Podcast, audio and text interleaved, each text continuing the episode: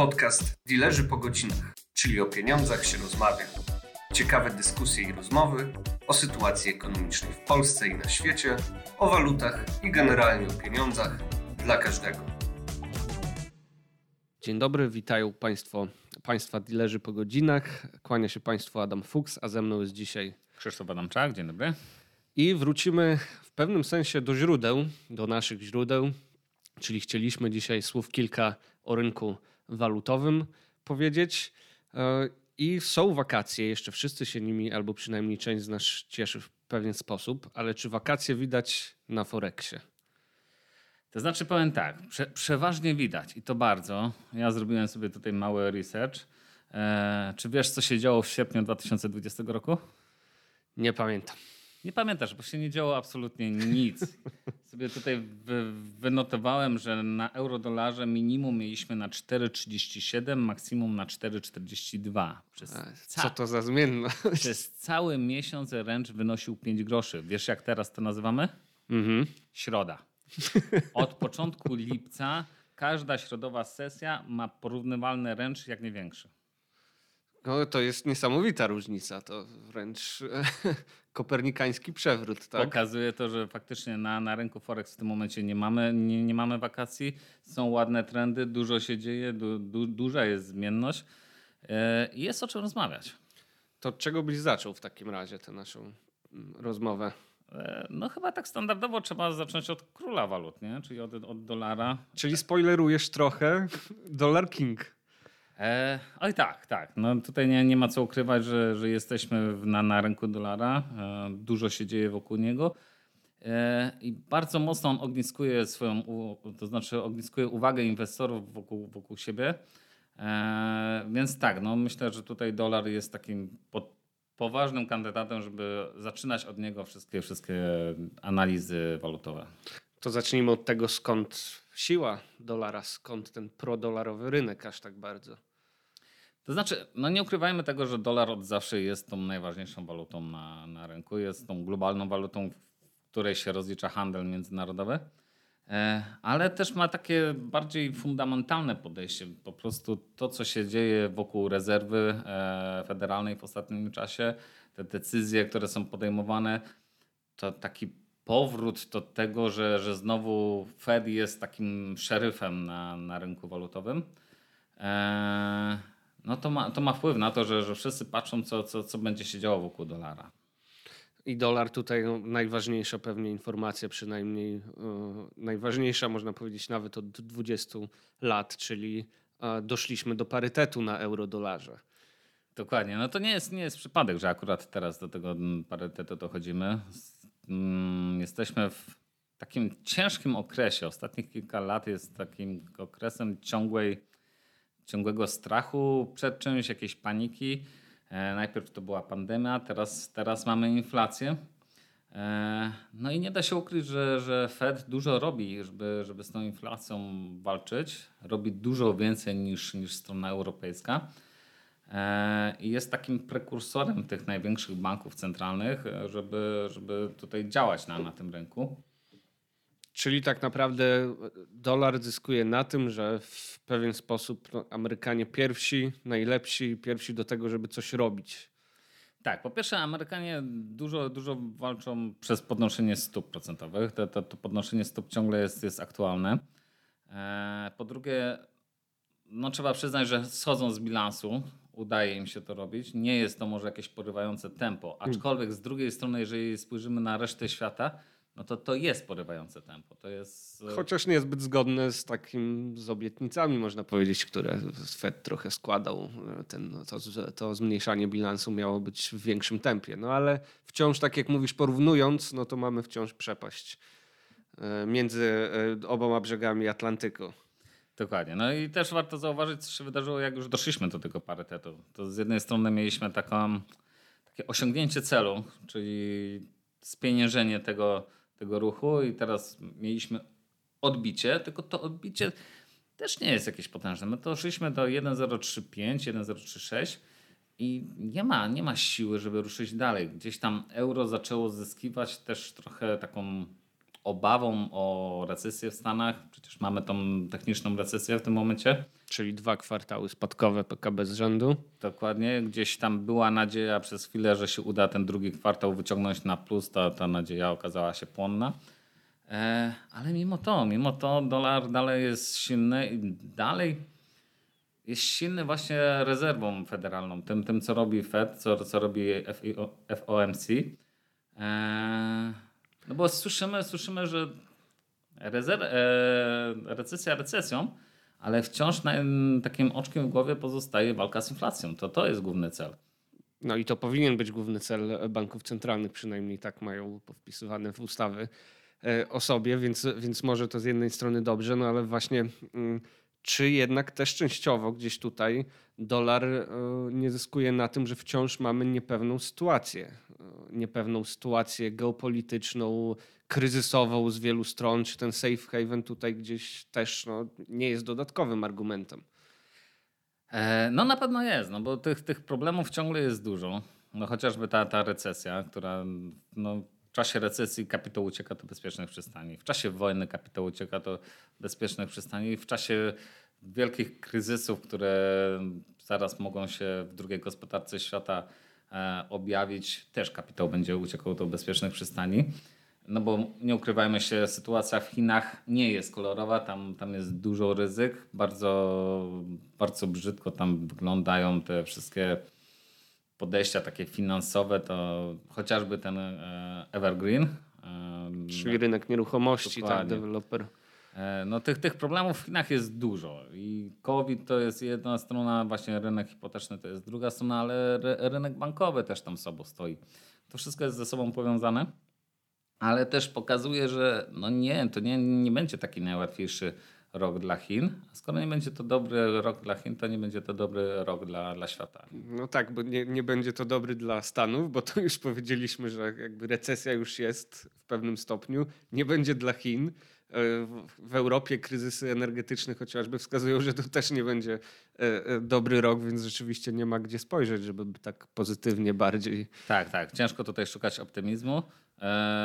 No to mamy praktycznie w każdej dużej gospodarce świata. Przecież jen leży na łopatkach, funt leży na łopatkach, euro za chwilę będzie leżało na łopatkach. No dobrze, ale to jedna chyba waluta oprócz dolara nie leży na łopatkach w takim razie. Tak jest, jest to frank szwajcarski.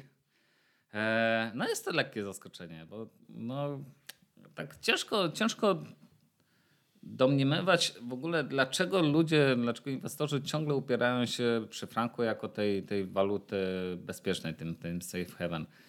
Szwajcarzy mają ogrom własnych problemów, z którymi sobie nie potrafią radzić. Przez chwilę w ogóle się ukuło takie powiedzenie, że Szwajcaria jest Japonią Europy i to nie jest wcale komplement.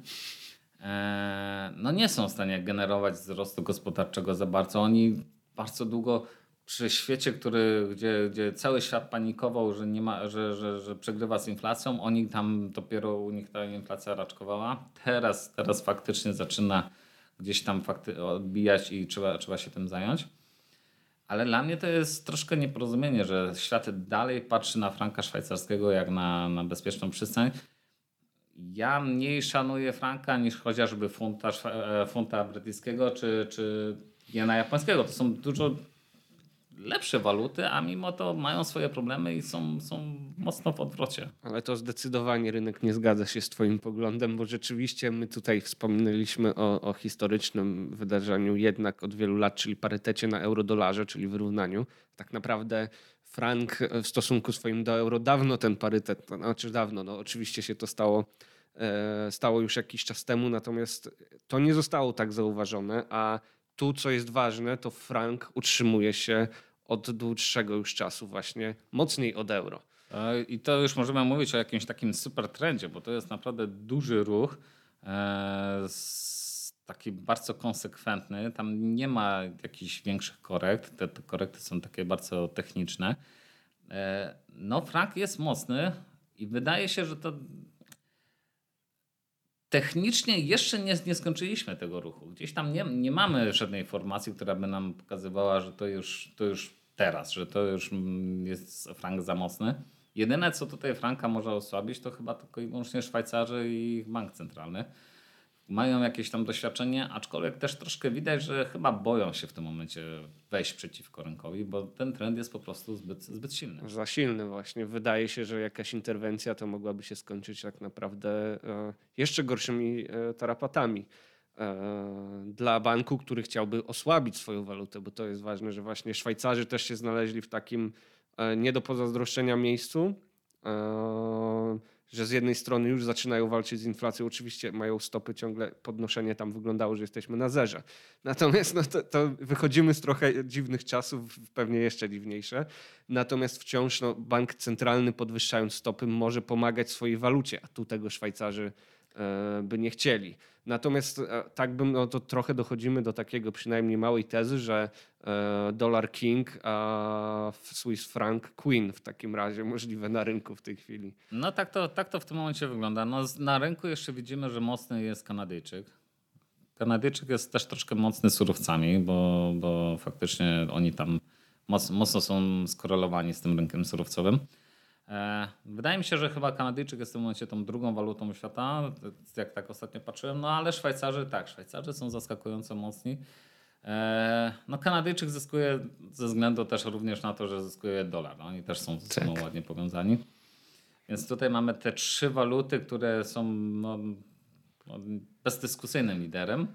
Całą resztę, która gdzieś tam ma swoje momenty, albo ich w ogóle nie ma, jak no, chociażby złoty. No właśnie teraz najtrudniejszy moment pewnie tej rozmowy, czyli co to wszystko znaczy dla złotego, bo jest, o, o tak, no, zacząłbym od tego, że mam dwa, dwa, bieguny. Rozmawialiśmy o najsilniejszych walutach, a teraz przechodzimy do złotego i niestety tak to nawet można w skrócie powiedzieć. No, historycznie jest tak, że jeżeli dolar jest mocny, to, to złoty jest słabe, ale... Mm, ale i tak nawet na tle tej całej historii no, ten rok jest wyjątkowo zły dla naszego złotego. Ja robiłem takie sobie zestawienie złotego do 10 najważniejszych walut i tylko wobec jednej jesteśmy mocniejsi. Jest to jen japoński, który jest faktycznie rozłożony totalnie. Czyli druga Japonia jednak po tylu latach. Tak, tak. Gdzieś te obietnice o drugiej Japonii się, się spełniają. E, no do dolara nie mamy podjazdu, do Kanadyjczyków nie mamy podjazdu, nawet do euro nie mamy podjazdu które, no, tak jak mówimy, ma swoje problemy. Złoty nie tylko wobec tych najważniejszych walut jest słaby, ale również ma problemy w swoim koszyku. To już nie jest ten czas, gdzie, gdzie złoty był liderem naszego koszyku i wszyscy patrzyli do nas. Co byłoby naturalne jako największa gospodarka, najprężniejsza e, tej części Europy, tak powiedzmy, bo tu pewnie porównujesz też e, tak koszyk regionalnie bardziej, rozumiem, Czesi, Węgrzy. Rumunii. E, polski złoty był jednym z największych beneficjentów upadku tureckiej liry. W momencie, kiedy wszyscy się zaczęli odwracać od Turków, my na tym dużo zyskaliśmy. I to było widać na, na, na wykresach. Gdzieś, gdzieś ten złoty potrafił wyciągać więcej niż reszta. I to, była, to był nasz duży plus, że byliśmy silniejsi niż Węgrzy, niż Rumuni, nawet niż Czesi. A teraz się to odwróciło. Teraz my jesteśmy tymi maruderami, którzy, którzy zamykają stawkę, którzy są najsłabsi no dalej, dalej, nie wiem, możemy się porównywać do, do Turków, czy do, do, nie wiem, Rosji, Białorusi, ale to nie jest koszyk, w którym chcemy być. My, my chcemy być właśnie w tym koszyku węgierskim, czeskim, gdzieś takim, takim, takim sensownym, a no w ostatnim czasie nie radzimy sobie na tle tych walut. No dobrze, ale to, to, to według ciebie e, co jest ważniejsze, bo z jednej strony, tak jak sam wspominałeś, mocniejszy dolar to znaczy z reguły słabszy złoty, czyli te czynniki zewnętrzne, czy jednak czynniki wewnętrzne, bo ich pewnie też trochę byśmy znaleźli, czy to kumulacja, która właśnie ta kumulacja sprawia, że że na deskach jest w praktyce PLN? Ja, ja, myślę, że to jest jednak miks tych czynników, bo mocny dolar może tłumaczyć, dlaczego sobie nie radzimy z tymi walutami G8, G10. Tak? To, to, jest, to, to jest pewne wytłumaczenie, ale mocny dolar nie jest wytłumaczeniem, dlaczego nie radzimy sobie na tle właśnie Węgrów czy Czechów. E, I wydaje mi się, że tutaj problemem jest to, że no my mamy dużo takich własnych no, przeszkód, czynników, które nas mocno obciążają. Jak to w Polsce? Co się obciąża? No po pierwsze mamy no, bank centralny, który totalnie stracił swoją wiarygodność, gdzieś tam za mocno wszedł w politykę. E, ja wiem, że ta niezależność banków centralnych na świecie jest mitem. Ale... Znaczy już, już, już na pewno jest mitem, tak, tak, przynajmniej patrząc na cały świat. Ale, ale w Polsce wydaje się, że ten mit jest najbrzydszy i gdzieś tam naj, naj, najgorzej się zestarzał. E, no ale to nie tylko to, bo no nie możemy całej winy zrzucać na Glapińskiego na jego dziwne wypowiedzi. Myślę, że tutaj też problemem jest na przykład to, że no nie radzimy sobie z tą inflacją i nie mamy jakiegoś takiego sensownego pomysłu, że jak sobie z tym radzić. Mam tu na myśli chociażby działania rządu, które są skierowane na to, żeby łagodzić skutki inflacji, a nie, a nie walczyć z inflacją. Wręcz przeciwnie. To, tutaj nikt nie ma wątpliwości, że te działania będą ją podsycać i jeszcze gdzieś zaogniać tę sytuację. Nawet jeżeli to nie będzie możliwe jakieś wypietrzenie szczytu inflacji, że tak pięknie to opisowo powiem, to możliwe, że jego wydłużenie, nawet jeżeli to nie będzie jakiś straszny pik, no to, tak, to nie tak. wiem, co gorsze jest informacja, bo oczywiście możemy nie wierzyć, ale, e, ale najnowsze przynajmniej prognozy Komisji Europejskiej mówią o tym, że w przyszłym roku średnioroczna inflacja w całej Unii w Polsce będzie najwyższa, czyli będzie największym wciąż obciążeniem właśnie tutaj. No i ja jestem w stanie w to uwierzyć, bo, bo, bo to tak to troszkę wygląda. No, te, te najnowsze dopłaty do, do węgla to nie, nie jest nic innego niż tak zwane helikopter money. E, I trzeba w tej chwili, kiedy nagrywamy ten odcinek, to ta dopłata wynosi 3000, a tona 4000. Trzeba zapłacić za tonę węgla, więc tak. No. Tak, ale to wiesz, no nie, nie masz tego w żaden Nie sposób. rozwiązuje to ani problemu, a pogłębia tak naprawdę inne. No tak by to można moim zdaniem. Tak, to jest bezpośredni transfer kapitału do, do, do społeczeństwa. Eee, I można tam dyskutować, czy to jest politycznie słuszne, czy niesłuszne. No nie, nie o tym. Tak, bo to można działaniem osłonowym dla społeczeństwa nazwać. Ale, ale nie jest, rozwiązuje. Jest, jest to działanie proinflacyjne. Każdy, każdy zastrzyk gotówki do społeczeństwa, ten transfer od państwa do, do, do ludzi jest działaniem proinflacyjnym, więc to, to będzie nam przedłużać tą całą agonię, którą mamy. Może faktycznie to nie będzie wyglądało jak rysy, tylko góry stołowe, ale tak jak mówisz, to wcale, wcale nie, nie oznacza, nawet, że będzie lepiej. Nawet po górach stołowych wycieczka może być wyczerpująca, zależnie od tego, jakie się ma możliwości, zasoby i, e, i ile czasu ta wędrówka e, będzie trwać. To na pewno.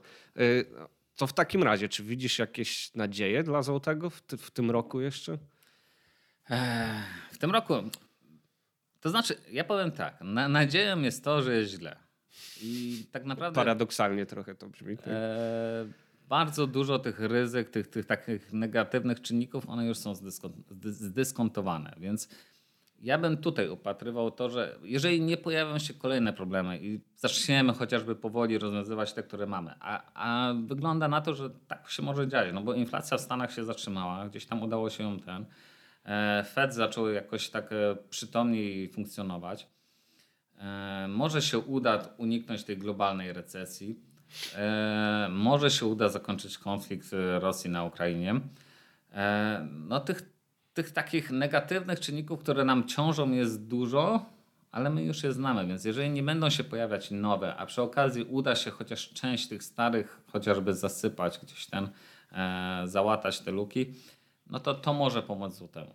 Czyli już trochę idziemy przez tę ciemną noc, tą ciemną doliną i możliwe, że gdzieś tam, skoro już tak długo jest ciemno, to i światełko w końcu się pojawi na horyzoncie.